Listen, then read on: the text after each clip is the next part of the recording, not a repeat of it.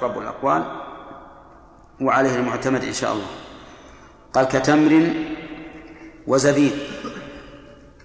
التمر ثمر النخل والزبيب ثمر العنب.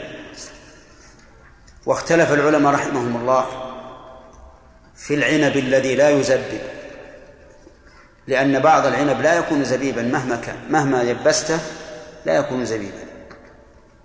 فقال بعضهم إنه لا زكاة فيه لأنه ملحق بالفواكه. يؤكل فاكهة لا يدخر.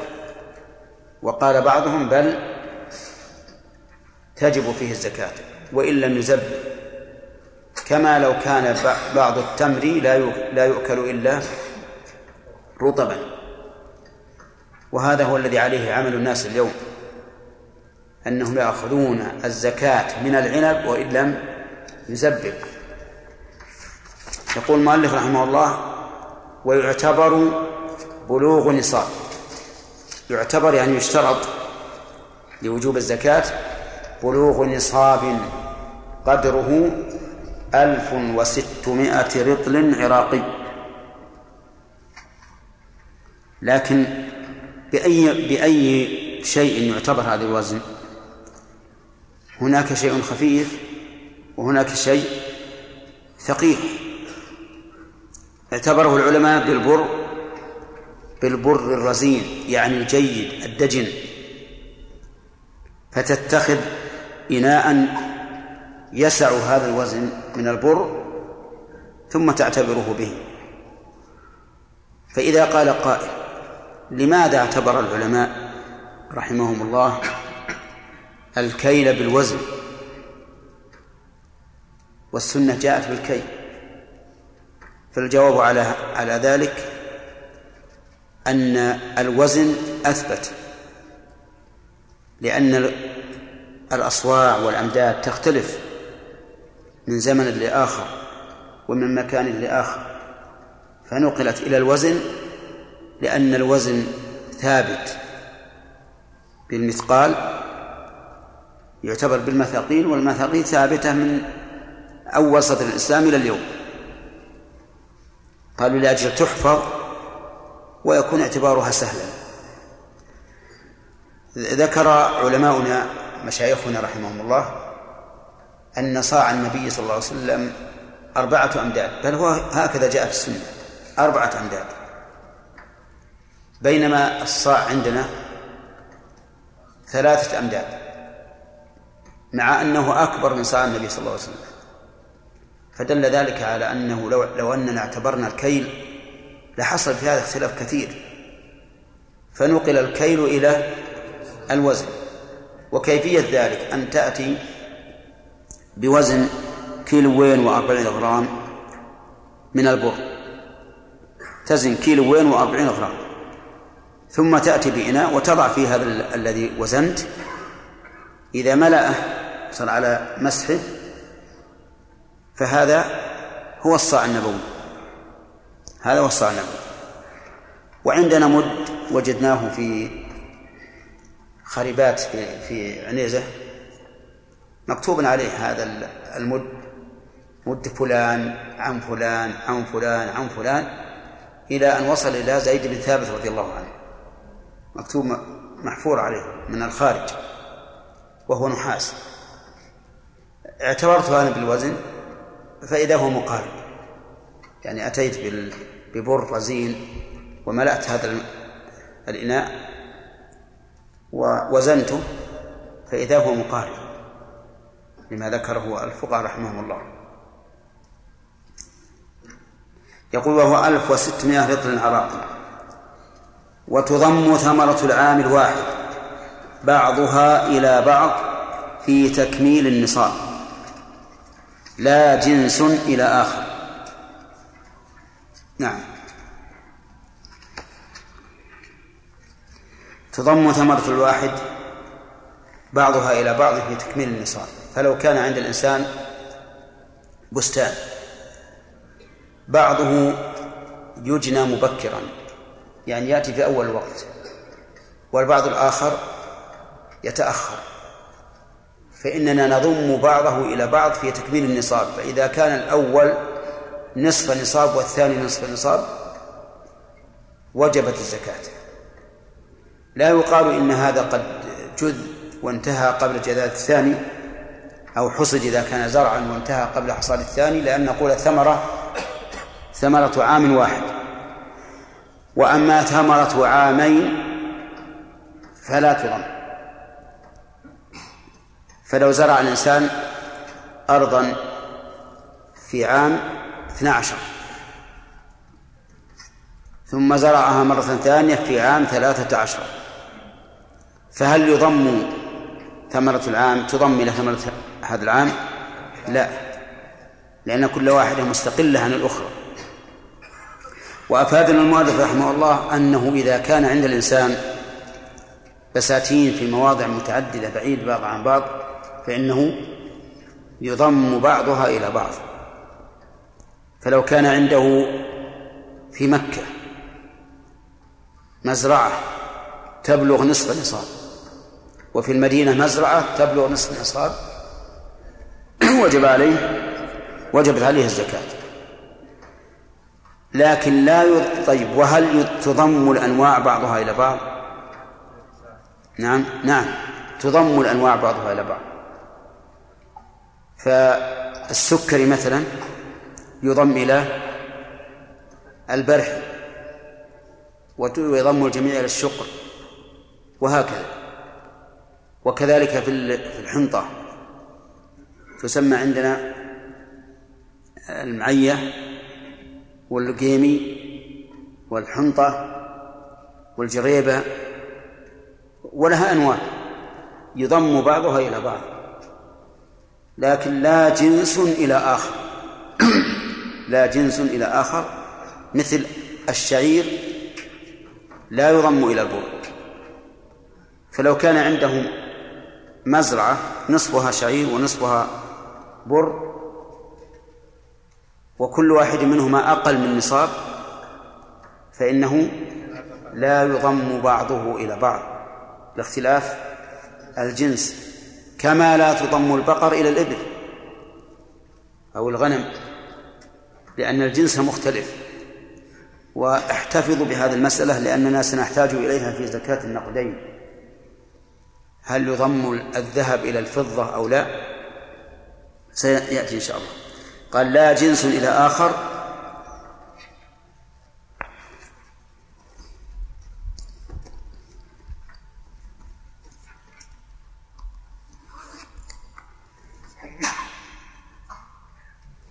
رحمك الله.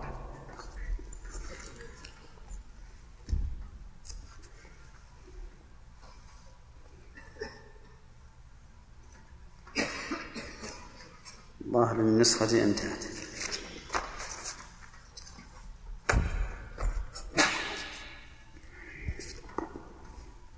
رحمك الله. وتضم ثمرة العام الواحد بعضها إلى بعض. لا جنس إلى آخر. ويعتبر أن يكون النصاب مملوكا له وقت وجوب الزكاة. هذا هذا الشرط الثاني. أن يكون النصاب يعني الحبوب أو الثمار مملوكا له وقت وجوب الزكاة. فما هو وقت وجوب الزكاة؟ وقت وجوب الزكاة في ثمر النخل بدو الصلاح. إذا احمر أو أصفر. وفي الشع... وفي الحبوب أن تشتد أن تشتد الحب الحبة بحيث إذا غمزتها لم تنغمز تكون مشتدة. هذا وقت الوجوب. يشترط أن يكون مملوكا له في هذا الوقت. فإن ملكه بعد ذلك. فإن ملكه بعد ذلك فإنه لا زكاة عليه. ولهذا قال المؤلف رحمه الله فلا تجب فيما يكتسبه اللقاط أو يأخذه بحصاده. لا تجب فيما يكتسبه اللقاط. اللقاط هو الذي يتتبع المزارع ويلقط منها التمر المتساقط من النخل. أو يلقط منها السنبل المتساقط من الزرع. فإذا كسب هذا اللقاط إذا كسب نصابا من التمر أو نصابا من الزرع فإنه لا زكاة عليه فيه. لماذا؟ لأنه حين وجوب الزكاة لم يكن في ملكه. وكذلك لو مات المالك بعد بدو الصلاح فلا زكاة على الوارث لأنه ملكه بعد وجوب الزكاة لكن الزكاة في هذه الحالة على على المالك الأول الميت فتخرج من تركته كذلك أيضا لا زكاة فيما يأخذه بحصاده. كيف يأخذ بحصاده؟ يعني قيل لرجل احصد هذا الزرع بثلثه. فحصده بثلثه فلا زكاة عليه في هذا الثلث. لماذا؟ لأنه لم يملكه حين وجوب الزكاة إنما ملكه بعد ذلك. فصار عندنا شرط فصار عندنا شرطان. الشرط الأول. ما هو بلوغ النصاب. والشرط الثاني أن يكون النصاب مملوكا له وقت وجوب الزكاة.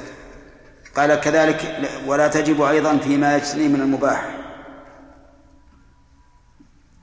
الذي يجتنيه من المباح ولو كانت تجب الزكاة فيه فلا زكاة فيه. مثل البعض البطن والزعبل وبزر قطونة. من يعرف البطن؟ نعم لا الشعير. أنا لا أعرف. كذلك أيضا يقول الزعبل. ها؟ إيش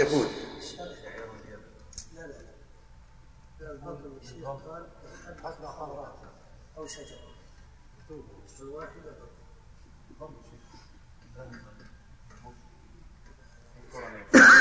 شو يقول؟ يقول البطن بالضم وبضمتين الحبة الخضراء أو شجرها ثمرة مسخن مدر نافع مسخن. مسخن. مسخن مدر نافع للسعال. وقال أيضا والزعبل شجرة الطب. من يقول؟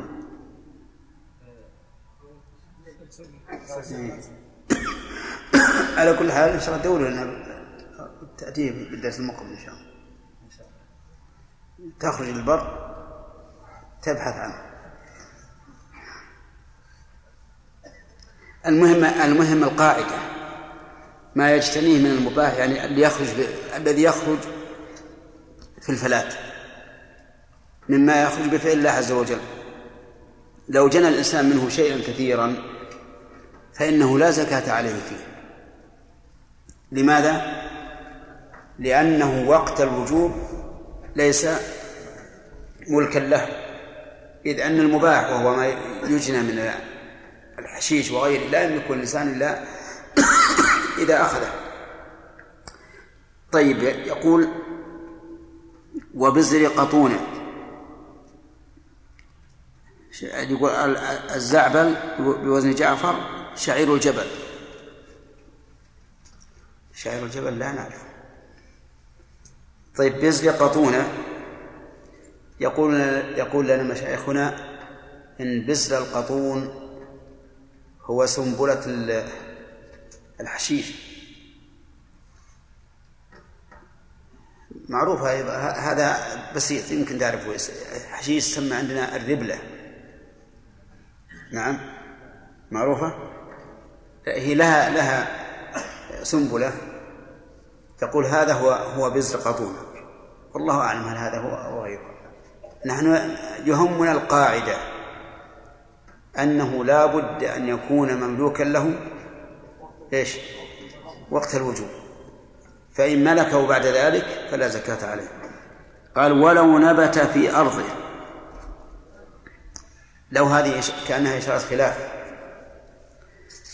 فإن بعض العلماء يقول إذا نبت في أرضه فإنه ملكه وإذا كان ملكا له فقد ملكه حين وجوب الزكاة. لكن المذهب أن ما ينبت في أرضه من فعل الله ليس ملكا له هو أحق به من غيره وليس يملكه. عرفتم؟ فبناء على اختلاف القولين نقول إن قلنا بأن ما نبت في أرضه من من المباح فهو ملك وجب عليه وجبت عليه الزكاة إذا أخذه بعد استكماله. وإن قلنا لا يملكه وهو الصحيح فإنه لا زكاة عليه فيما يجريه منه لأنه حين الوجوب ليس ملكا له وإنما صححنا هذا. أي صححنا أنه ليس ملكا له لقول النبي صلى الله عليه وآله وسلم الناس شركاء في ثلاث الماء والكلى والنار وهذا من الكلام خلاصة الباب هذا أن الزكاة تجب في كل مكيل مدخر من الحبوب والثمار سواء كان قوتا أم لم يكن.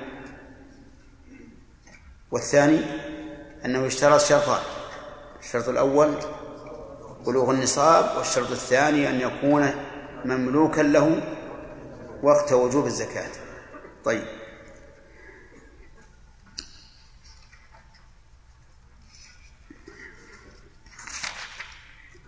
هل يشترط أن يكون قوتا؟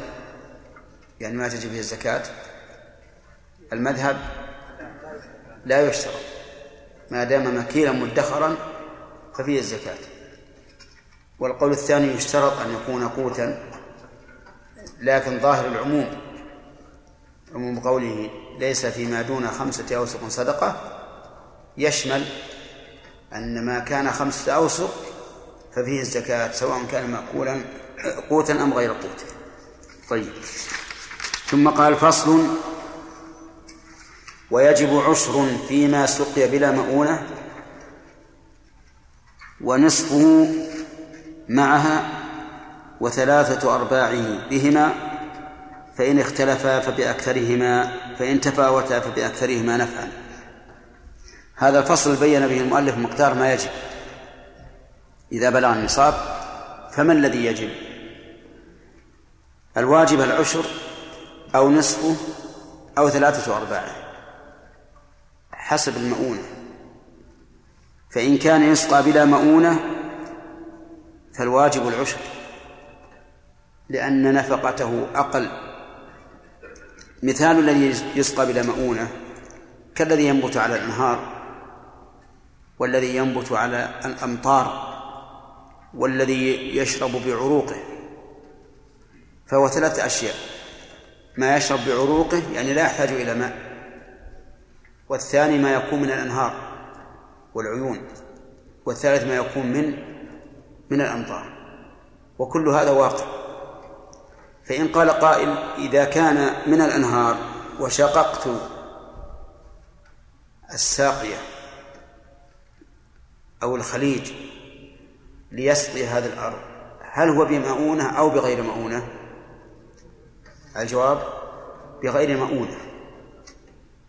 ونظير ذلك إذا حفرت بئرا وخرج الماء نبعا فإنه يكون بلا مؤونة لأن إيصال الماء إلى المكان ليس مؤونة المؤونة أن تكون في نفس السقي في نفس السقي يعني يحتاج إلى إخراجه عند السقي بالمكائن بسواني هذا هو الذي يكون بمؤونة. أما مجرد إيصاله إلى المكان وليس وليس فيه إلا مؤونة الحفر أو مؤونة شق الخليج من النهر أو ما أشبه ذلك فهذا يعتبر بلا مؤونة. طيب ونصفه معها مع المؤونة. ودليل ذلك قول النبي عليه الصلاة والسلام فيما سقت السماء أو كان عثريا والعثري هو الذي يشرب بعروقه العشر وفيما سقي بالنضح نصف العشر أخرجه البخاري. والحكمة من ذلك واضحة. ما هي؟ نعم كثرة الإنفاق في الذي يسقى بمؤونة وقلة الإنفاق في الذي يسقى بلا مؤونة. فراعى الشارع هذه المؤونة وهذه النفقة وخفف على ما يسقى بمؤونة. وثلاثة أرباعه بهما. يعني ما يشرب بمؤونة وبغير مؤونة نصفين يجب ثلاثة أرباعه. مثال ذلك هذا النخل يسقى نصف العام بمؤونة ونصف العام بلا مؤونة. يعني في أيام الصيف يسقى بمؤونة. في أيام الشتاء لا يحتاج إلى شرب أو يشرب من الأمطار. نقول إذا كان يسقى بهذا وهذا نصفين فثلاثة أرباعها. فإن تفاوتا بمعنى أنه لم نتمكن من الضبط هل هو النصف أو أقل أو أكثر؟ قال فبأكثرهما نفعا. يعني الذي يكثر انتفاع النخل أو الشجر أو الزرع به فهو المعتبر. فإذا كان نموه ب... إذا شرب بما يسقى بمؤونة أكثر من نموه إذا شرب بلا مؤونة فأيهما المعتبر؟ المعتبر نصف العشر. لأنه لأن ما سقيه بالمؤونة أكثر نفعا فاعتبر به. فكان فصار الآن ال ال ال الأحوال أربع. ما يسقى بمؤونة خالصة وبلا مؤونة خالصة وبمؤونة وغيرها على النصف وبمؤونة وغيرها مع الاختلاف. فإن كان يسقى بمؤونة خالصا فنصف العشر وبلا مؤونة خالصا العشر وبهما نصفين ثلاثة أرباع العشر ومع التفاوت يعتبر الأكثر نافعا ومع الجهل العشر يعني إذا تفاوتا وجهلنا أيهما أكثر نافعا فالمعتبر العشر لأنه أحوط وأبرأ للذمة. وما كان أحوط فهو أولى. فإذا قال قائل إذا كيف نقول إنه أحوط؟ وفيه إلزام الناس بما لا نتيقن. دليل إلزامه قلنا لأن الأصل الأصل وجوب الزكاة. ووجوب العشر حتى نعلم أنه سقي بمؤونة فنسقط نصفه وهنا لم نعلم. جهلنا الحال أيهما أكثر نفعا فكان الاحتياط إيجاب العشر نعم. نعم كان الأراضي خراجية يحسب من زكاة ولا لا بد ولا في زكاة. وش تقولون؟ يقول إذا كانت الأرض خراجية فهل يعتبر الخراج من الزكاة أو لا؟ هي ستأتي في المتن ستأتي في المتن. وأن الخراج بمنزلة الأجرة ما له ما له تعلق في الثمر نعم. نعم. إي نعم. نعم. لأن لأن الذي يوثق غالبا يدخر. الحمل هذا ما ما ما يحمل إلا شيء يتحمل التحميل. هذا هو الغالب. والله يعني كافي لأن حتى لو قلنا بأنه ليس بكافي وأوجبنا الزكاة في كل مكيل كان مشكلة. يعني في بعض الأشياء المكيلة ما يجنى رطبا ويؤكل في الحال. ما يبقى. والمسألة كلها تحتاج إلى يعني نظر. لو شئنا لقلنا لا تجب إلا في الأربعة الأصناف فقط. الحنطة والشعير والتمر والزبيب وما سوى ذلك لا يجب. لأن ما في دليل. فالتفصيل اللي ذكره بعض العلماء ما فيش دليل. إحنا اخترنا المذهب لأنه أحوط. نعم. كيف؟ رجل يأتيه لكن بأجرة بسيطة يكون بمؤونة. إذا كان يأتيه الماء بأجرة قليلة فهو بمؤونة. نعم. يؤخذ منين؟ تين. لا ما يعتبر زبيب الزبيب من العنب. يسمى ظهر تسمية عرفية كان يسمى. لكن فيه نعم التين يدخر. التين يدخر. لكن لا زكاة فيه على المذهب وإن كان يدخر لأن الادخار هذا عارض. وإلا فقد فقد حدثنا الناس أنهم يدخرون حتى أنهم يجعلونه مع التمر. يكنز كنز مع التمر. نعم. قلنا إن ثمرة العمل واحد. نعم. بعضها إلى بعض نعم.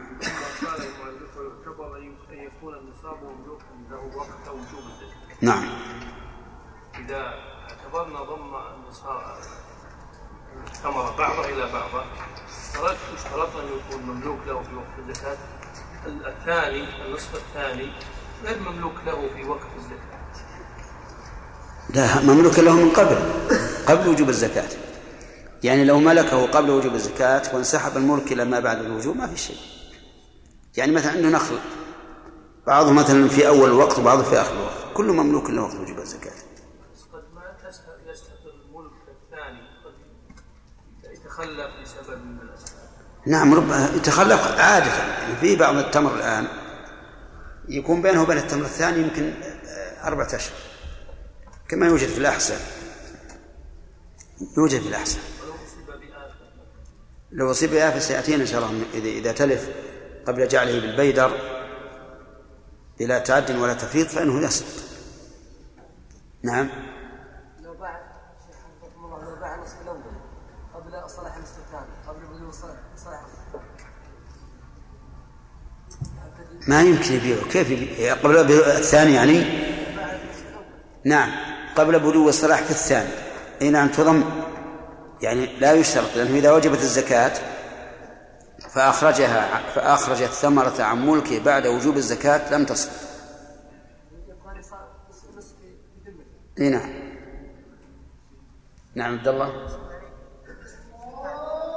الساق يعتبر فيه بلوغ خمسة أوسق وما لا فالزكاة واجبة في قليله وكثيره. لكن هذا جمود على الظاهر. لأنه عنده تجب الزكاة في كل ما يخرج من الأرض مطلقا. نعم. كل شيء يخرج من الأرض. نعم. لا.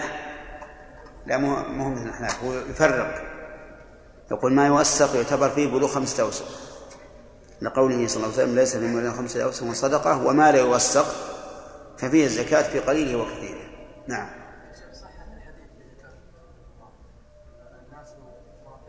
نعم. صحيح. نعم.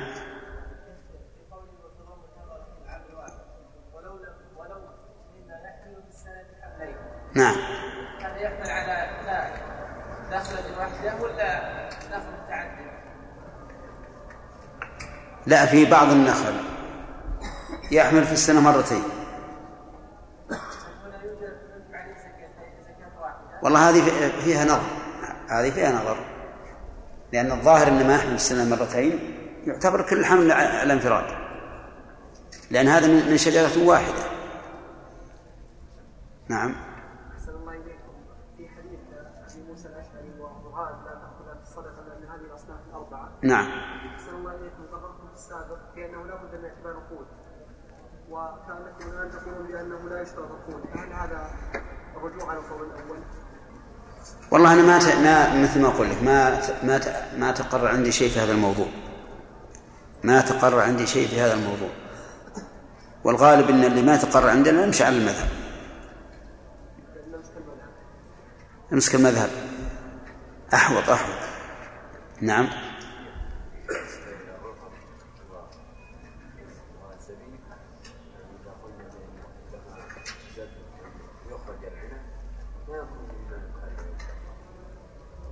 لا لا يقول يخرج تجب الزكاة فيه ويخرج من الزبيب والصحيح أنها تجب الزكاة فيه ويخرج منه.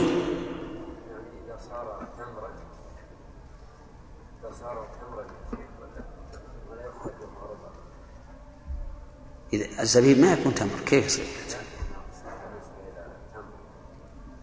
بعض النخل ما ما يتركونه حتى يتم يأكلونه رطبا لا يخرج قال المذهب يقولون يخرج منه تمر. يخرج منه تمرا بمعنى أنه يقدر تمر ويخرج منه. أو تجعل نخلات حتى تثمر وتخرج. لكن الصحيح أنه له أنه يخرج منه. فإذا كان الناس في هذا البلد إنما اعتادوا أن يأكلوا هذا رطبا يخرجه رطبا ولا ولا ولا شيء عليه.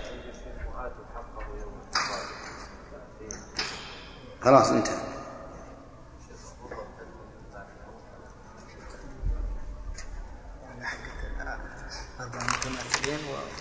اي طيب. إلى يوم الدين. يلا خلد زين. ما تقول في التفاح؟ هل تجب فيه الزكاة أو لا؟ لا تجب. لماذا؟ ليس مما يقال ويدخر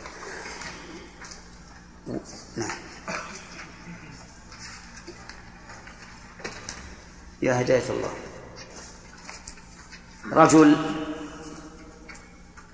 يمشي على المزارع ويلقط من الحبوب. حتى اجتمع عنده ثلاثة أنصبة. هل عليه زكاة؟ لماذا؟ لأنه هو ليس مالكا في وقت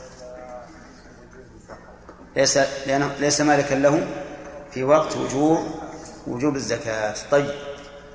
ما تقول يا خالد في رجل جنى من الأرض كمأة؟ أتعرف الكمأة؟ الفقع أتعرف الفقع؟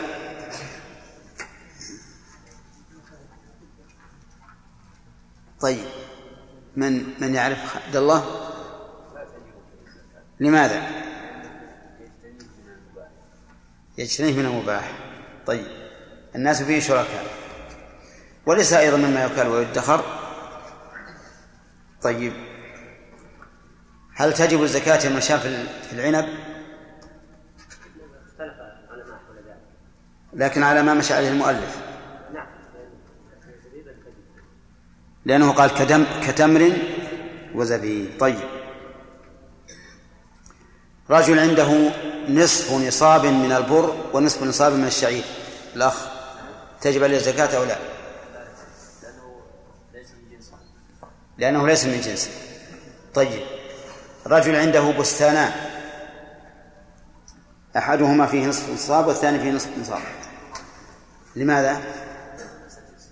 لأنه من جنسه. تمام. طيب. يقول المؤلف ولا فيما يكتسبه اللقاط. من هو اللقاط يا حجاج؟ اللقاط الذي يعني يلقط المحصول بعد بعد ما يرفع المزارع المحصول. نعم. يلقط السنبل أو يتتبع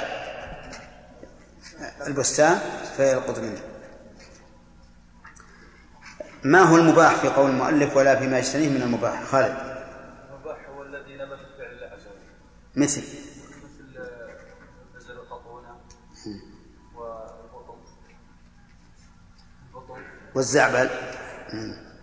والفقع والفقه طيب. هذا جديد. طيب قال المؤلف ولو نبت في أرضه. لو هذه لماذا جاء بها؟ إشارة إلى أنه يوجد خلاف. إلى أنه يوجد خلاف وهو أنه إن نبت في أرضه فعليه فعليه الزكاة.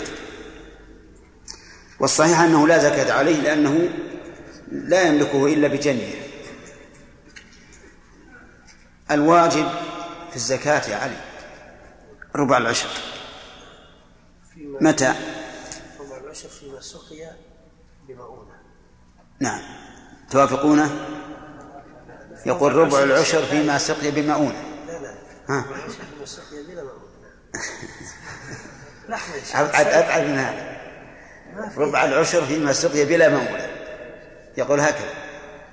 لحظة. ها طيب. ربع العشر إيه فيما؟ نصف نصف العشر فيما سقي بلا بلا مؤونة. وربعه؟ من باب أولى. طيب. نعم. آه.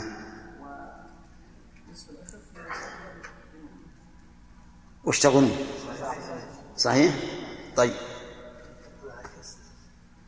هل عندك دليل يا علي على هذا؟ فيما سقط السماء. نعم. أو كان عثريا العشر. وفيما سقي بالنضح نصف العشر. أخرجه البخاري. طيب. ما هو نصاب؟ ما هو ما هو قدر النصاب في الحبوب والثمار؟ الأخ. إي نعم. إي نعم. على ما قدره المؤلف. 140 لا. 130 نعم. طيب عبد المنان. ها؟ كيف فرق بين 160 و 130 متأكد؟ ما تقولون؟ صحيح. طيب كم قدرناه بالكيلو يا عبد الله؟ 612 كيلو بالبر بالبر الرزين. طيب ما رأيكم إذا كان الشيء خفيفا؟ إذا كان الشيء خفيفا هل ينقص وزنه أو يزيد وزنه؟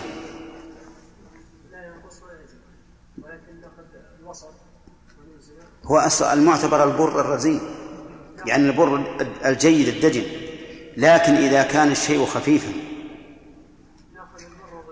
هل ننقص الوزن أو نزيد الوزن نوزن على وزن البر والرزين إذا لا فرق بين البر الرزين وغيره.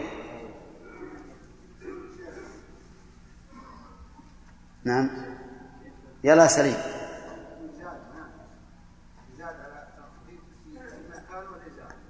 الخفيف يزاد في وزنه؟ خلي ذكي ما, ما, ما اختلف.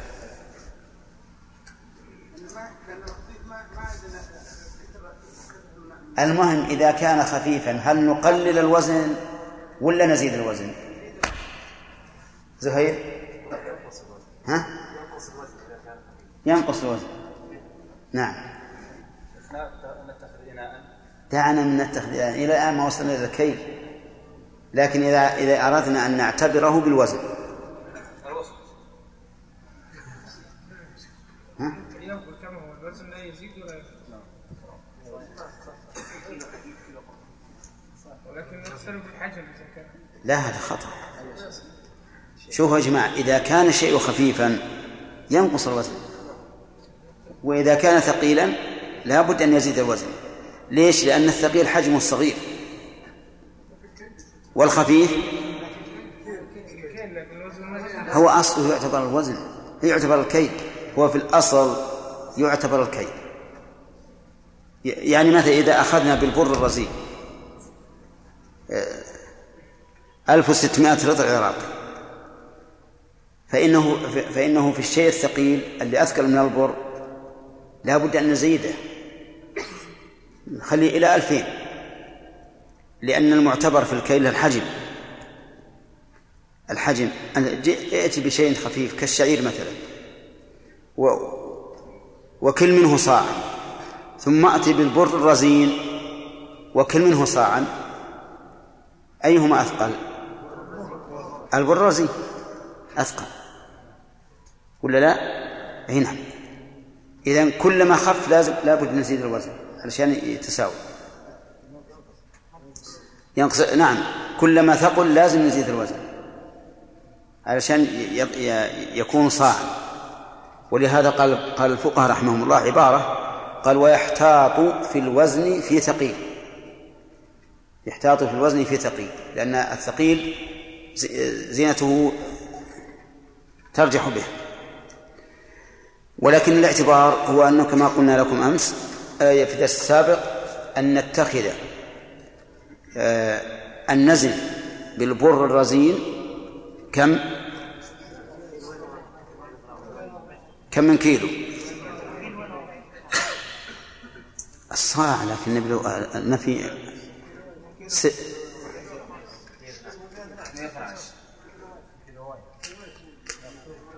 كيلو وأربعين. أضربها في ثلاثمائة. ستمية واثنى عشر.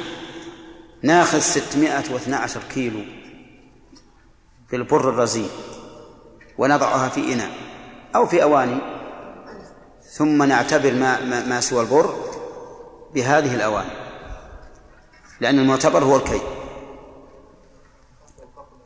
نعم. ها؟ خف أو ثقل. إي نعم. إذا اعتبرت الكيل فهو الحجم. خف أو ثقل. طيب. آه، لو كان عندنا نخل يحمل في السنة مرتين هل تضم ثمرته بعضها إلى بعض؟ نعم. ها؟ ما نكلم ما أنت ما شاء الله تتلقف قاطع طريق أنت من قطاع الطريق. نعم. أنت. أي. طيب والسنتين؟ العبرة بالحول طيب. التمر أنواع. هل يضم بعض الأنواع إلى بعض يا موسى؟ لا لا قصدي في تكميل النصاب. لو كان عنده ثلاثة أنواع كل نوع منها ثلث نصاب هل يضم بعضها إلى بعض؟ لا يضم. لدينا قولان جماعة. أيهما أصح يضم أو لا؟ يضم. لأن هناك فرق بين النوع وبين الجنس. الجنس لا يضم فلا نضم التمر إلى الزبيب ولا. ولا البر إلى الشعير لكن تمر أنواع أصفر وأحمر يضم بعضه إلى بعض إذن الأنواع يضم بعضها إلى بعض والأجناس لا يضم بعضها إلى بعض تمام يقول المؤلف أظن مبتدأ درس اليوم ها. عن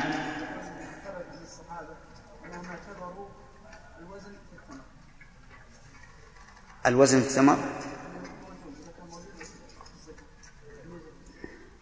طيب آه، لا تجيب تنقل لنا طيب الآن نبدأ درس جديد. أي أحسنت. ذك- ذكرتني هذا الشيخ سلمان جزاه الله خير جاء جاء لنا بشيء.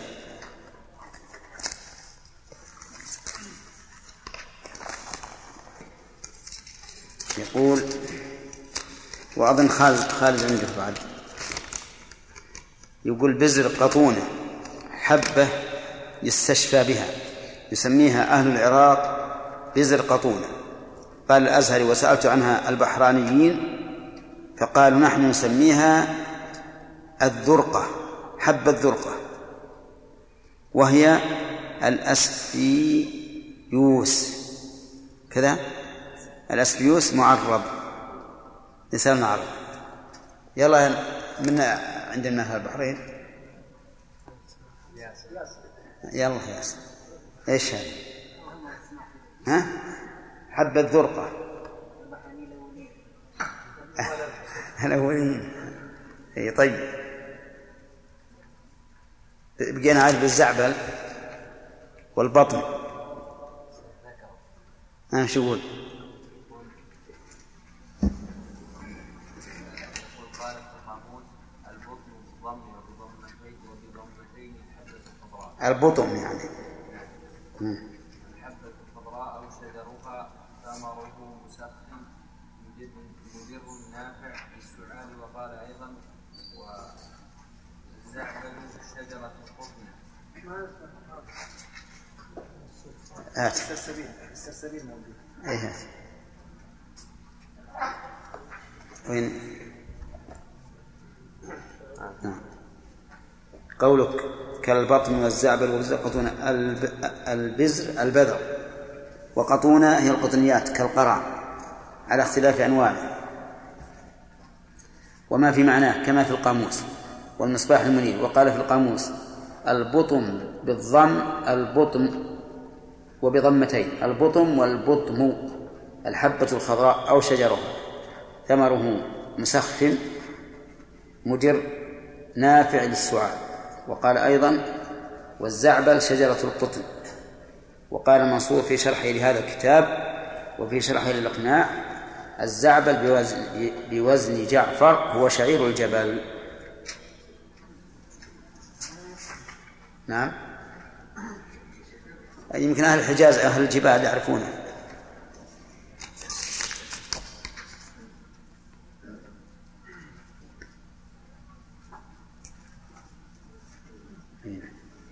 طيب نشوف.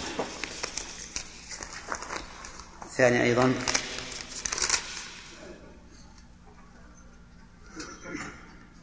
هل قول انكسار على أكثر من أربعة. هذا في الفرائض بسم الله الرحمن الرحيم. الحمد لله رب العالمين وصلى الله وسلم على نبينا محمد وعلى آله وأصحابه ومن تبعهم بإحسان إلى يوم الدين. درسنا اليوم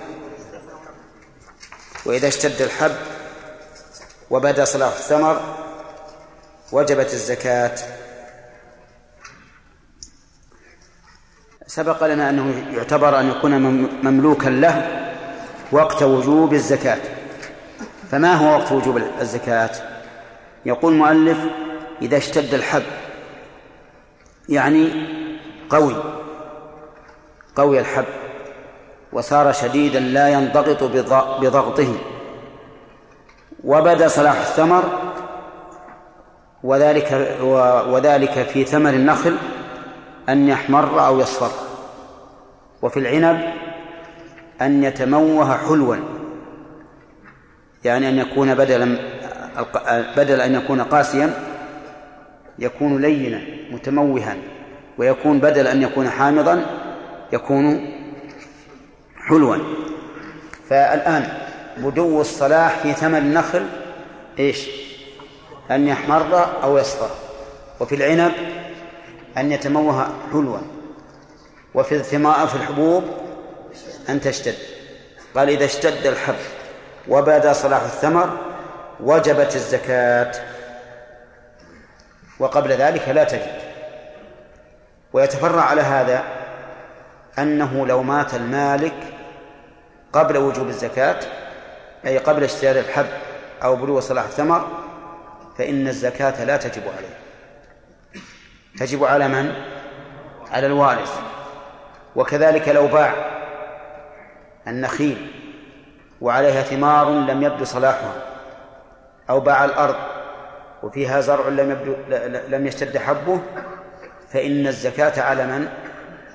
على المشتري لأنه أخرجها من ملكه قبل وجوب الزكاة.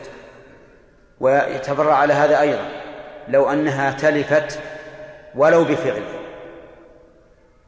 ولو بفعله بأن قطع الثمر أو حصد الزرع قبل اشتداده أو قطع الثمر قبل بدو صلاحه فإنه لا زكاة عليه. لماذا؟ لأن ذلك قبل وجوب الزكاة. نعم. يقول فإن تلفت ولا يستقر الوجوب إلا بجعلها في البيدر فإن تلفت قبله بغير تعد ولا تفريط سقطت. نعم. لا يستقر الوجوب إلا بجعلها في البيدر. البيدر مجتمع الثمر والزرع. وذلك أنهم كانوا إذا جذوا الثمر جعلوا له مكاء فسيحا يضعونه فيه. وكذلك إذا حصد الزرع جعلوا له مكانا فسيحا يجوسونه فيه. فلا يستقر الوجوب إلا إذا جعل إلا إذا جعلها في البيدر. فإن تلفت بعد بدو الصلاح واشتداد الحب وقبل جعلها في البيدر فإنها تسقط. ما لم يكن ذلك بتعد منه أو تفريط فإنها لا تسقط طيب وإذا جعلها في البيدر؟ إذا جعلها في البيدر فإنها تجب عليه ولو تلف ولو بغير تعد ولا تفريط لأنه استقر لأنه استقر الوجوب في ذمته فصار دينا عليه سواء تلف بتفريط أو بغير تفريط. وعلى هذا فيكون للثمر والزرع ثلاثة ثلاث أحوال. الأولى الحالة الأولى أن يتلف قبل وجوب الزكاة. يعني قبل اشتداد الحب وقبل صلاح الثمر. فهذا لا شيء على المالك مطلقا. سواء تلف بتعد أو تفريط أو بغير ذلك. لا شيء عليه. والعلة أنه قبل الوجوب. الحالة الثانية أن يتلف بعد الوجوب وقبل جعله في البيدر ففي ذلك تفصيل. إن كان بتعد منه أو تفريط ضمن الزكاة. وإن كان بلا تعد ولا تفريط لم يضمن. الحالة الثالثة أن يكون بعد جعله في البيدر أي بعد جذه ووضعه في البيدر أو بعد حصاده ووضعه في البيدر فعليه الزكاة مطلقا لأنها استقرت في ذمته فصارت دينا عليه. والإنسان إذا وجب عليه دين وتلف ماله وعليه دين هل يسقط الدين بتلف المال؟ لا. إذن لا لا تسقط الزكاة عنه في هذه الحال أعرفتم؟ طيب ما هو التعدي والتفريط الذي في الحالة الثانية والذي فصلنا فيها؟ قلنا إذا تلف بلا تعد ولا تفريط فلا ضمان عليه. فما هو التعدي؟ التعدي عموما قاعدة فيه فعل ما لا يجوز والتفريط ترك ما يجب. فمثلا لو أن الرجل أهمل بعد أن بدأ الصلاح في الثمر في ثمر النخل وقبل أن يجعله في في في البيدر أهمل حتى جاءت السيول فأمطرت وأفسدت التمر. فيقال هذا مفرط ولا متعدي؟ مفرط. هذا مفرط. ولو أنه أشعل نارا تحت الثمار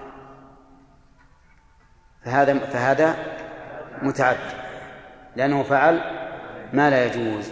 طيب ولو أن الله أتى بعواصف أو قواصف بعد بدو الصلاح وبعد اشتداد الحب من غير أن أن يفرط ويهمل فأتلفت الثمر أو الزرع. نعم فلا شيء عليه فلا شيء عليه لأنه لم يتعدى ولم يفرط. طيب لو سرقت لو سرقت الثمار أو الزروع بعد أن بدا الصلاح واشتد الحب فهل يضمن؟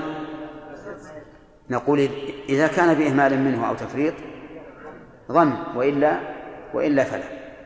هذا هذه القاعدة. والقول الصحيح في الحالة الثالثة وهي بعد أن يضعه في البيدر القول الصحيح أنها لا تجب عليه الزكاة ما لم يتعدى أو يفرط.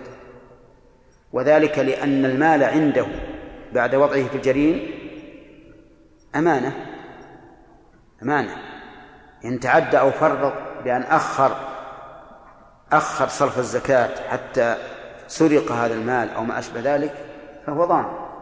وإن لم يتعدى ولم يفرط وكان مجتهدا في أن يبادر بتخليصه ولكنه تلف مثل أن يجعل التمر في البيدر لأجل ييبس. ولكن لم يمضي وقت يمكن يبسه فيه حتى سرق التمر مع كمال التحفظ والحراسة. فهل نقول يضمن؟ لا يضمن لا يضمن. اللهم إلا إذا أمكنه أن يطالب السارق ولم يفعل فهذا يكون مفرطا طيب إذن القول الراجح أن المسألة أن الحالة الثالثة تلحق بالحالة الثانية وذلك لأن لأن المال الذي وجبت فيه الزكاة واستقر وجوبها فيه كان عنده إيش؟ أمانة فكيف يضمن؟ وأما قوله إن الرجل لو كان مدينا وتلف ماله لم يسقط الدين بتلف ماله فهذا قياس مع الفارق. لأن دينه متعلق بذمته والزكاة متعلقة بهذا بهذا المال. بهذا المال فهذا المال الذي فيه الزكاة هو عنده أمانة. فالصواب أنه أن الحالة الثالثة كالحال الثانية كالحال الثانية نعم. يقول ولا يستقل ولا يستقل الوجوب إلا بجعلها في البيدر فإن تلفت قبله بغير تعد منه يعني ولا تفريط سقطت. ها؟ فإن تلفت قبله بغير تعد منه سقطت. قال ويجب العشر على مستأجر الأرض دون مالكها. ما العشر الواجب؟ يعني زكاة الثمر. وزكاة الحبوب تجب على المستأجر للمالك ولو قال المؤلف وتجب زكاة الثمر والحبوب على المستأجر دون المالك لكان أعم من قوله ويجب العشر. لأن العشر قد يكون واجب وقد يكون الواجب نصف العشر. على كل حال هو هذا مراده يعني على من تجب زكاة الحبوب؟ أعلى مالك الأرض. أو على المستأجر. الجواب على المستأجر. لأن المستأجر هو مالك الحبوب. ومالك الأرض ليس له إلا الأجرة. وكذلك المستأجر هو مالك الثمار. وليس لصاحب الأرض إلا الأجرة. ولكن قد يقول قائل كيف يستأجر يستأجر الثمار؟ أو كيف يستأجر النخل؟ كيف ذلك؟ هل يمكن يستأجر النخل؟ جزما. لا ما هو جزم. المذهب وهو قول أكثر العلماء أن أن النخل لا يستأجر. يعني لا يمكن أن آتي إلى صاحب بستان كله نخل وأقول أجرني هذا النخل لمدة لمدة عشر سنوات مثلا. هذا لا يجوز. لماذا؟ لأن الثمر معدوم. الثمر الآن معدوم. ولا يعلم هل يخرج الثمر هل يخرج من الثمر مقدار الأجرة أو أقل أو أكثر. وإذا كان النبي صلى الله عليه وآله وسلم نهى عن بيع الثمار حتى يبدو صلاحها فهذا من باب أولى لأن هذا قبل أن تخرج. فيكون فيه جهالة يكون فيه جهالة. ولكن شيخ الإسلام رحمه الله أبى إلا أن يصحح هذا العقد. وقال إن استئجار البساتين أشجارها كاستئجار أراضيها. فكما أنك تستأجر هذه الأرض من صاحبها وتزرعها وقد يكون زرعك أكثر من الأجرة بكثير وقد يكون أقل. فكذلك النخل. ويجعل النخل أصلا كما كما تجعل الأرض أصلا في المزارعة. وقال إن هذا هو الثابت عن عمر رضي الله عنه. حين ضمن حديقة أسيد بن حضير الذي لزمه ديون فضمن بستانه من يستأجره لمدة كذا وكذا سنوات ويقدم الأجرة من أجل قضاء الدين. وقال إن عمر فعل ذلك والصحابة متوافرون. وإنه لا فرق بين استئجار النخيل واستئجار الأرض وأن هذا أقطع للنزاع. بين من؟ بين المستأجر وصاحب الأرض. وذلك لأنه يجوز أن أن يساقي صاحب النخل هذا الرجل العامل بجزء من الثمرة. وهذا ربما يحصل فيه نزاع يحصل فيه نزاع. أما إذا كانت أجرة مقطوعة فإن صاحب النخل قد عرف نصيبه وأخذه وصاحب والمستأجر قد عرف أن الثمر كله له لا ينازع فيه أحد يتصرف فيه كما كاملا. وهذا الذي صار عليه العمل الآن عند الناس صار عليه العمل عند الناس أنه يصح استئجار النخيل بأجرة معلومة لمدة خمس سنوات عشر سنوات حسب ما يتفقان عليه واضح؟ إذن إذا قلنا إنه لا يصح استئجار النخيل فإنه يحمل قول المؤلف يجب العشر على مستأجر الأرض فيما إذا إذا كان ذلك في الزرع في الزرع. أما في الثمار فلا يتصور لأنه على المذهب لا يصح أن تستأجر النخيل لثمارها. نعم. الراجح ما, ما ذهب إليه شيخ الإسلام رحمه الله. والناس في الحقيقة هنا عندنا في القصيم لما ظهرت هذه الفتوى استراحوا. صاروا يؤجرون البساتين. يقول مثلا استأجرت منك البستان بمائة ألف يعطيه مائة ألف وذاك يستقل بالثمر. ابن عقيل رحمه الله فصل قال إذا كان أكثر الأرض بياضا لا نخيلا يجوز اعتبارا بالأكثر. فمين طيب لأن تأجير الأرض جائز فيلحق الأقل بالأكثر. أما الطريق على المذهب فهو أن تساقي على النخل وتؤجر الأرض. كيف تساق على النخل؟ يعني تقول ساقيتك على هذا النخل بثلث ثمره وأجرتك هذه الأرض بعشرة آلاف فيأخذ الأرض ويزرعها والزرع له والنخل يقوم عليه بثلث الثمرة. نعم.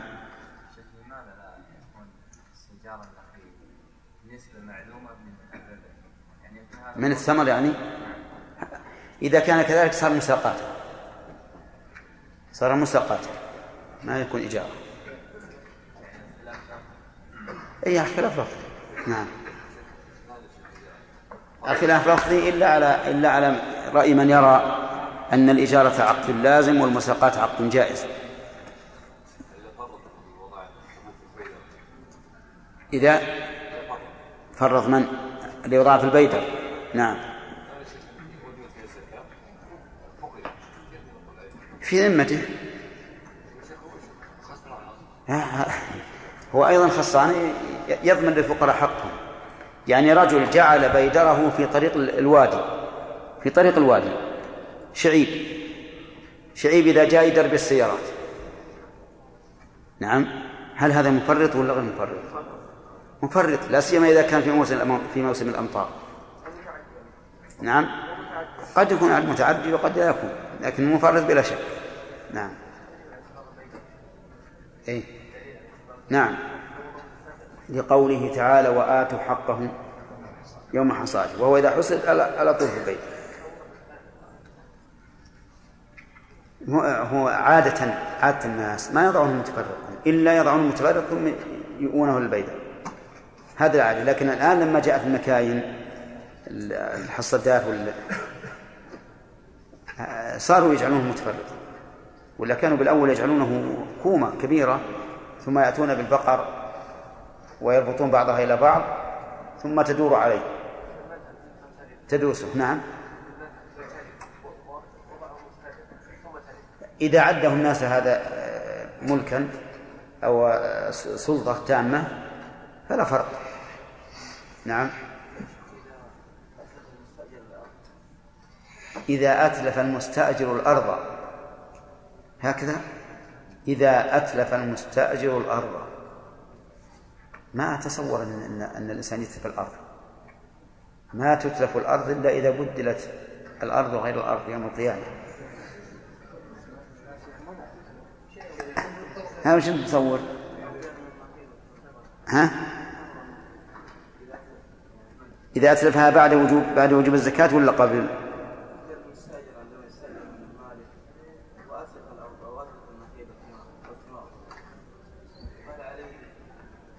معلوم إذا كان إذا كان أتلف بتعدي أو تفريط فعليه الضمان. نعم.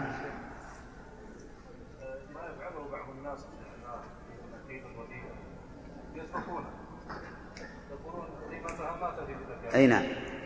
عليهم أن أن, أن يجدوا منها ما يجب في الزكاة ويعطوه الفقراء ها شيخ حفظكم الله لو انه لو مات قبل بدون صلاحها بدون الصلاح فتجب على الورثه نعم. طيب لو بدأ الصلاح قبل ان يملك كل وارث كل وارث نصيبه نعم. لكن من المعلوم أن الصلاح قد يبدا قد يبدأ في يوم أو يومين. نعم. وحصل الورثة وتقسيم التركة قد يستغرق اسبوعا نعم. كيف يكون عجبا لمحمد. متى يملك الورثة المال؟ لا. ساعة موته ساعة موته يملكونه. ها؟ اي زين. نعم.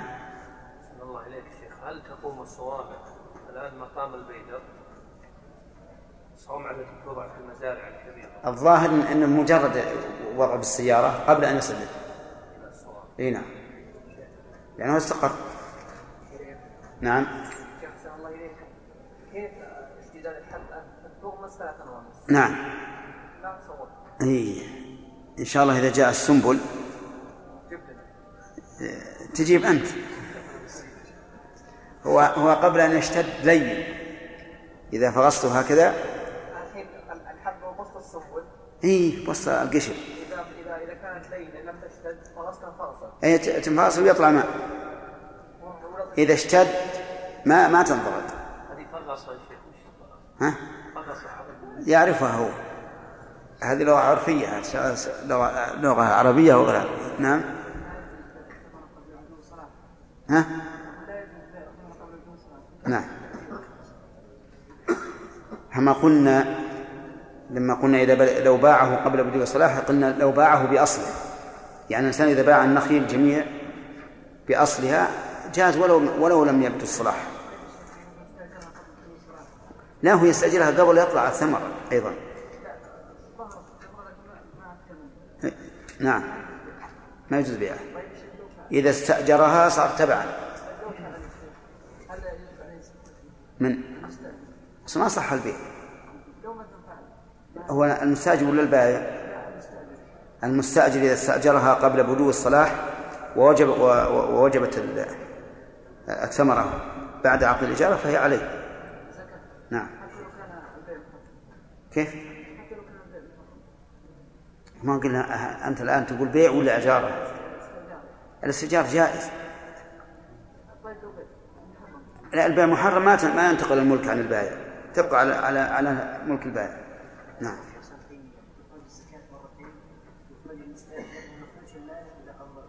كيف؟ كيف يا شيخ الإسلام وش يقول؟ شخص تيمية يجيز استئجار استئجار النخل نعم. كيف تخرج مرتين؟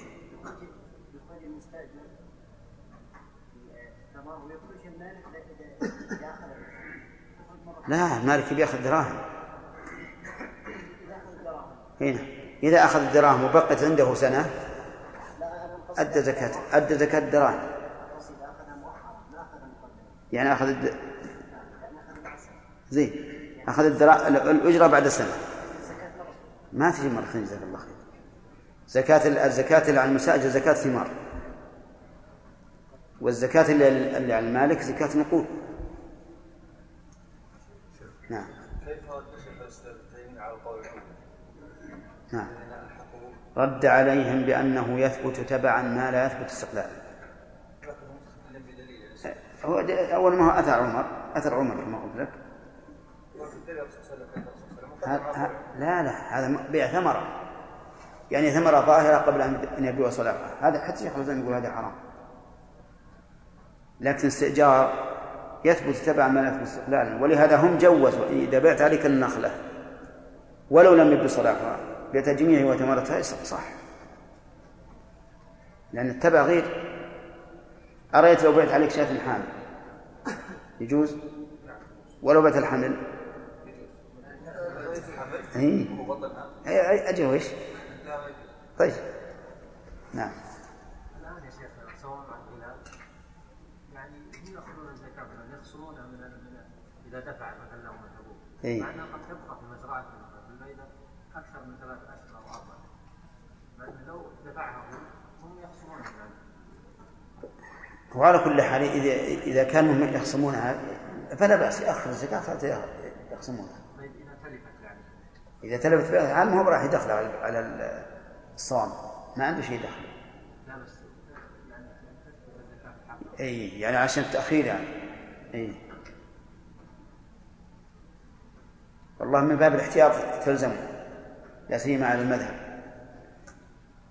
من باب الاحتياط تلزم لأن تأخيره إياها لمصلحته هو ما لمصلحة الفقراء.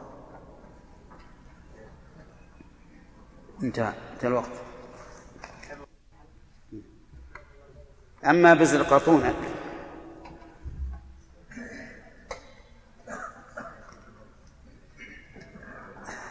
فالظاهر أنه أخذ أكثر- أكبر من حجمه.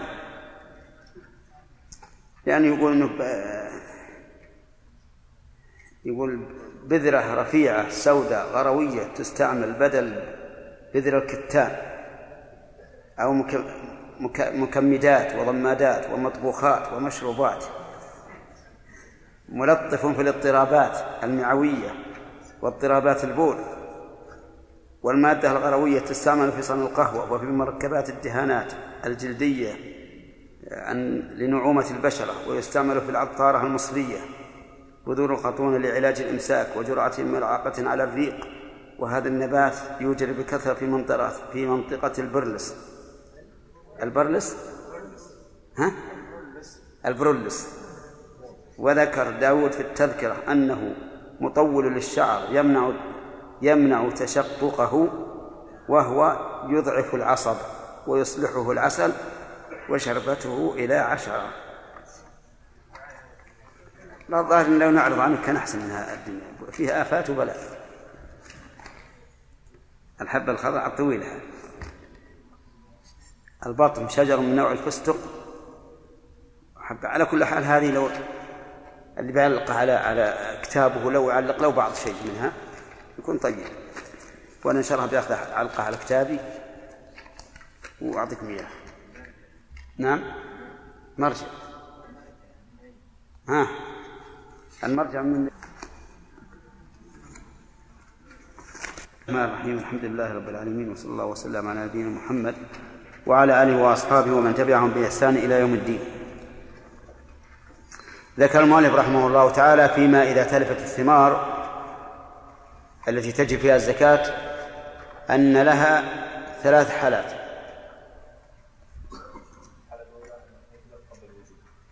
قبل الوجوب. نعم هذه واحدة. طيب. وما هو الوجوب؟ متى؟ نعم. لا. بدو الصلاح بعد بدو الصلاح في ثمر النخل واشتداد الحب في الزروع. طيب. هذه حالة. الحالة الثانية. أي نعم. أن يكون بعد الوجوب وقبل. نعم. فما حكمه في هذه الحال؟ نعم إذا كان في بابه فيزكي أما إذا كان إذا كان بتعد منه أو تفريط فعليه ضمان الزكاة. أما إذا كان من غير تعد منه ولا تفريط فلا عليه. فلا شيء عليه. طيب. نعم. اي نعم. الحالة الثالثة. نعم. نعم. الله صحيح انه لا يفعل الا اذا تعدى الله تمام الحالة الثالثة أن تتلف بعد حصولها في البيدر وهو مجمع المجمع الذي تشمس فيه وتيبس. فعلى المذهب يضمن الزكاة مطلقا لأنه استقر عليه الوجوب. والقول الثاني أنه لا يضمن إلا إذا تعدى أو فرط وعلى هذا فيكون حكم هذه الحال كحكم الحال الثانية طيب. اجتمع مالك الأرض ومستأجرها الذي زرعه خالد بن خلف على من تجب الزكاة؟ تجب الزكاة على مستأجر على المستأجر. لماذا؟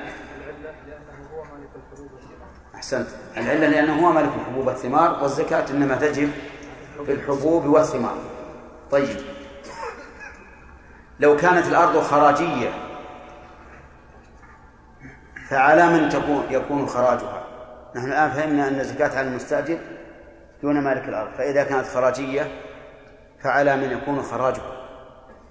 والخراجية هي هي التي وضع عليها أجرة دائمة.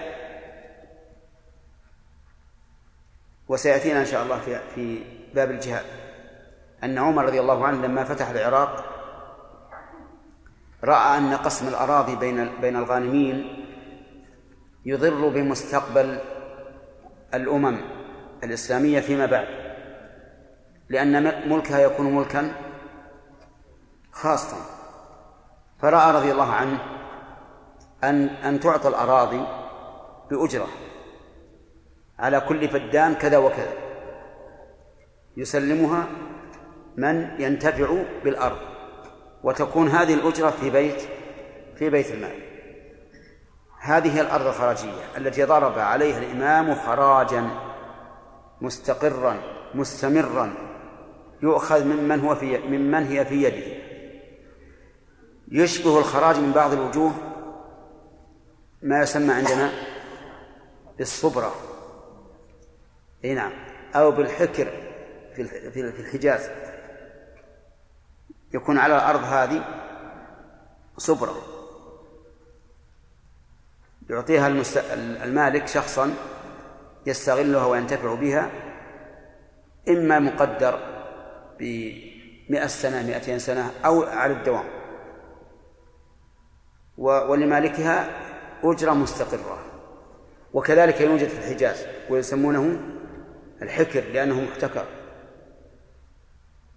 فهنا نقول إذا كانت الأرض خراجية فالخراج على من؟ على المالك. والزكاة على المستأجر. ووجه ذلك أن الخراج على عين. الأرض ورقبة الأرض فيكون على مالكها. والزكاة على الثمار فتكون على مالكها. أنا؟ على مالك الثمار. على مالكها أي مالك الثمار. كلامي واضح؟ طيب. زين. وش؟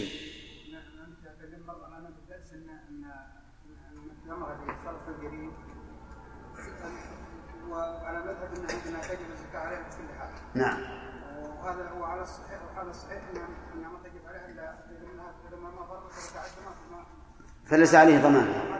نعم ذكرت ان ان ان ان ان الزكاه موجوده تجب في نفس المال بنفسه ما هو على المستعد إيه لكن المال من هو ذكرت ان يعني الزكاه على الثمره إيه الثمرة من هي له؟ لمن هي؟ لا لا إذا عليه أقول لا لا لا راس اختلف ما فرق حيث لما كان لم لم يفرط فلا ضمان عليه طيب إذا عرفنا الأرض الخراجية هي التي ضرب عليها الإمام خراجا مستقرا مستمرا. يؤخذ ممن هي في يده. وهذا إنما يكون في الأراضي المغنومة من الكفار. يعني إذا فتحنا بلاد الكفار وغنمنا الأراضي فهذه طيب. ثم قال المؤلف وهو ابتداء درس اليوم وإذا أخذ من ملكه أو موات من العسل مئة. مئة هذه مفعول أخذ. إذا أخذ مئة وستين رطلا عراقيا ففيه عشره.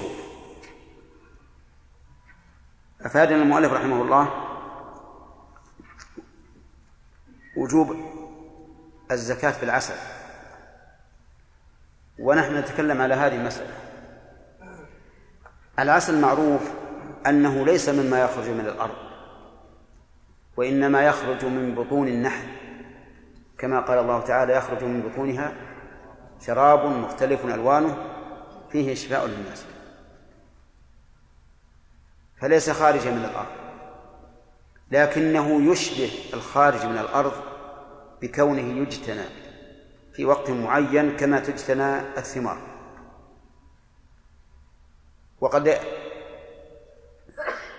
ضرب عمر رضي الله عنه عليه ما يشبه الزكاة وهو العشر فاختلف أهل العلم رحمهم الله. هل في العسل الزكاة؟ أو أن ما ضربه عليه عمر ليس زكاة ولكنه اجتهاد لحال مخصوصة لأنه لا يصدق عليه. قول الله عز وجل يا أيها الذين آمنوا أنفقوا من طيبات ما كسبتم ومما أخرجنا لكم من الأرض. فالمسألة فيها خلاف وميل صاحب الفروع. ابن مفلح رحمه الله أحد تلاميذ الشيخ الإسلام ابن تيمية وهو من أعلم الناس بالفقه عند شيخ الإسلام ابن تيمية حتى كان ابن القيم يرجع إليه أي إلى ابن مفلح يسأله عما يقوله الشيخ في المسائل الفقهية. يميل رحمه الله إلى أنه لا زكاة في العسل. لأنه ليس في ليس في القرآن ولا في السنة ما يدل على ذلك. والأصل براءة الذمة حتى يقوم دليل على الوجوب.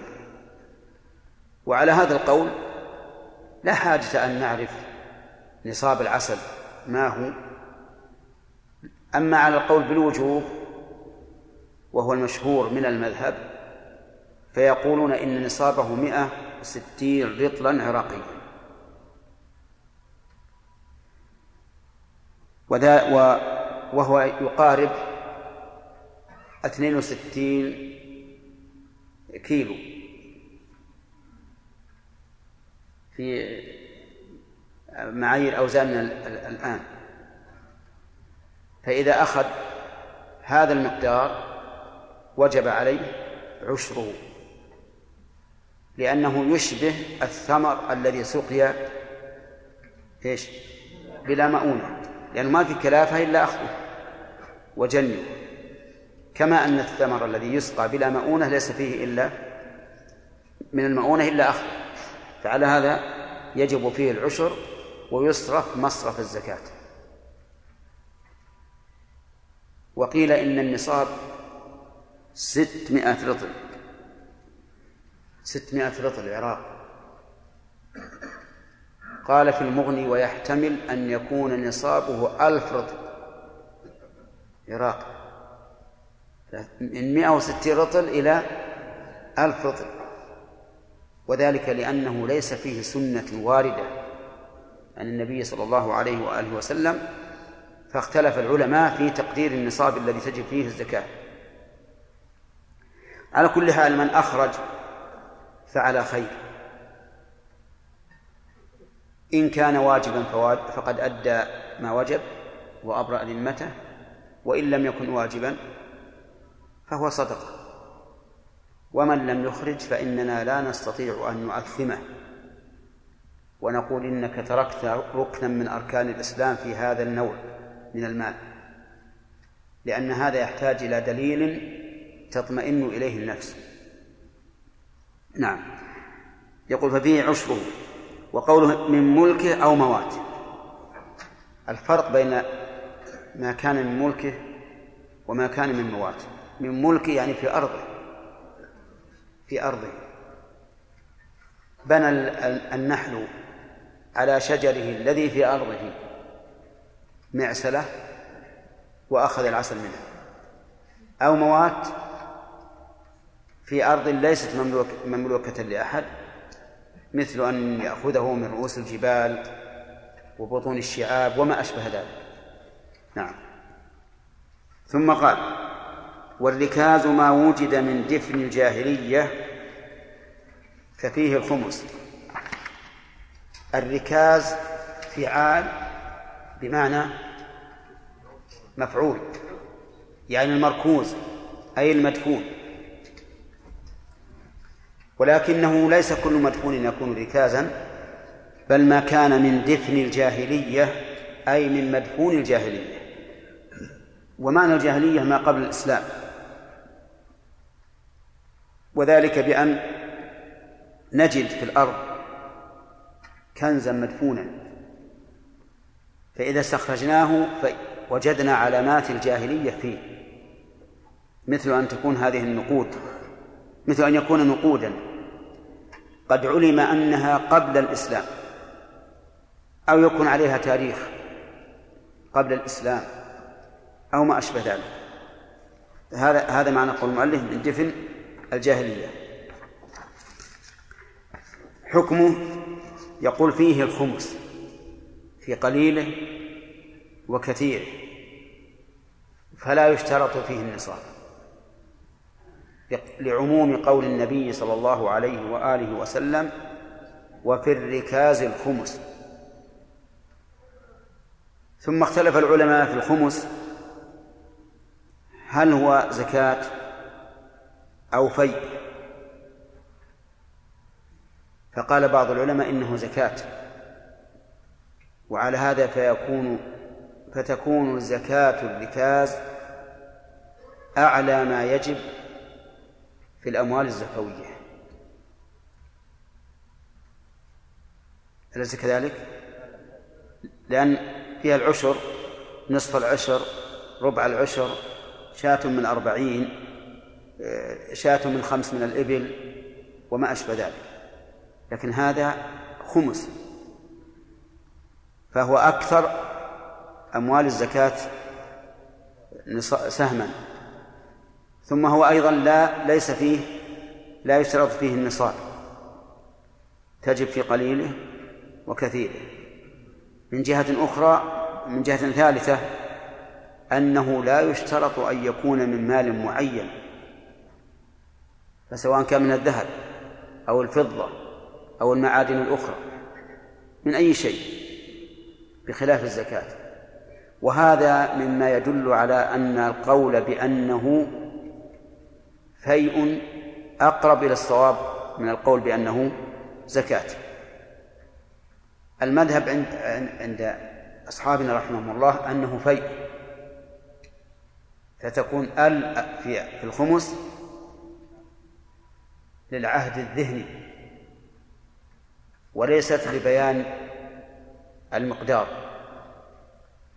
كما تقول الثلث والربع والخمس والعشر لا على هذا القول تكون ال للعهد الذهني أي الخمس المعهود في الإسلام وهو خمس الغنيمة الخمس خمس الغنيمة الذي يصرف مصرف الفيء فيكون فيئا في بلاد في مصالح المسلمين العامة.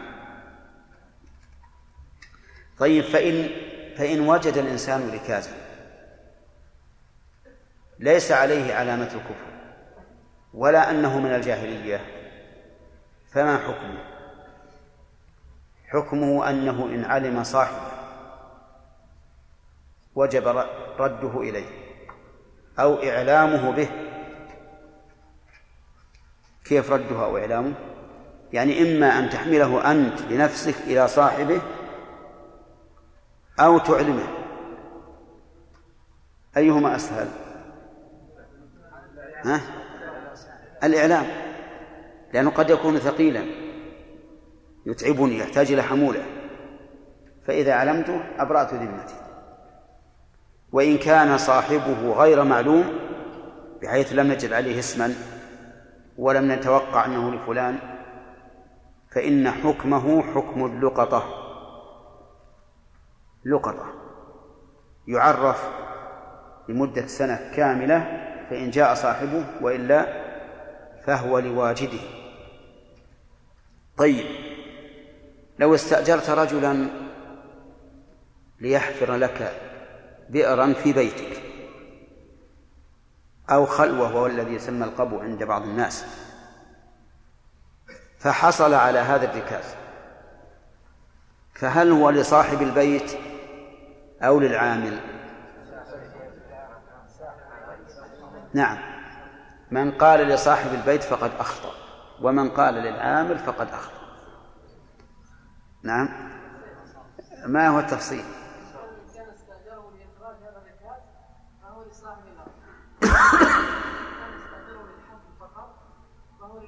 نعم صحيح. هذا التفصيل. إن كان صاحب الأرض استأجره ليحفر عنه فهو لصاحب الأرض. وإن كان استأجره ليحفر بئرا ثم وجده هذا العامل فهو للعامل. إنما الأعمال بالنيات وإنما لكل امرئ ما نوى. نعم. ثم قال المؤلف رحمه الله. ها؟ إيه؟ كيف؟ الراجح أنه يصرف مصرف الفي وإحنا ذكرنا ثلاثة أوجه تدل على أن الراجح قول من يقول إنه يصرف مصرف الفي باب زكاة النقدين.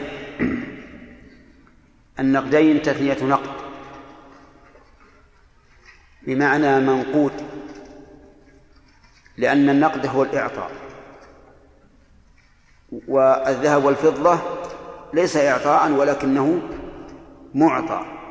فالنقد بمعنى المنقود.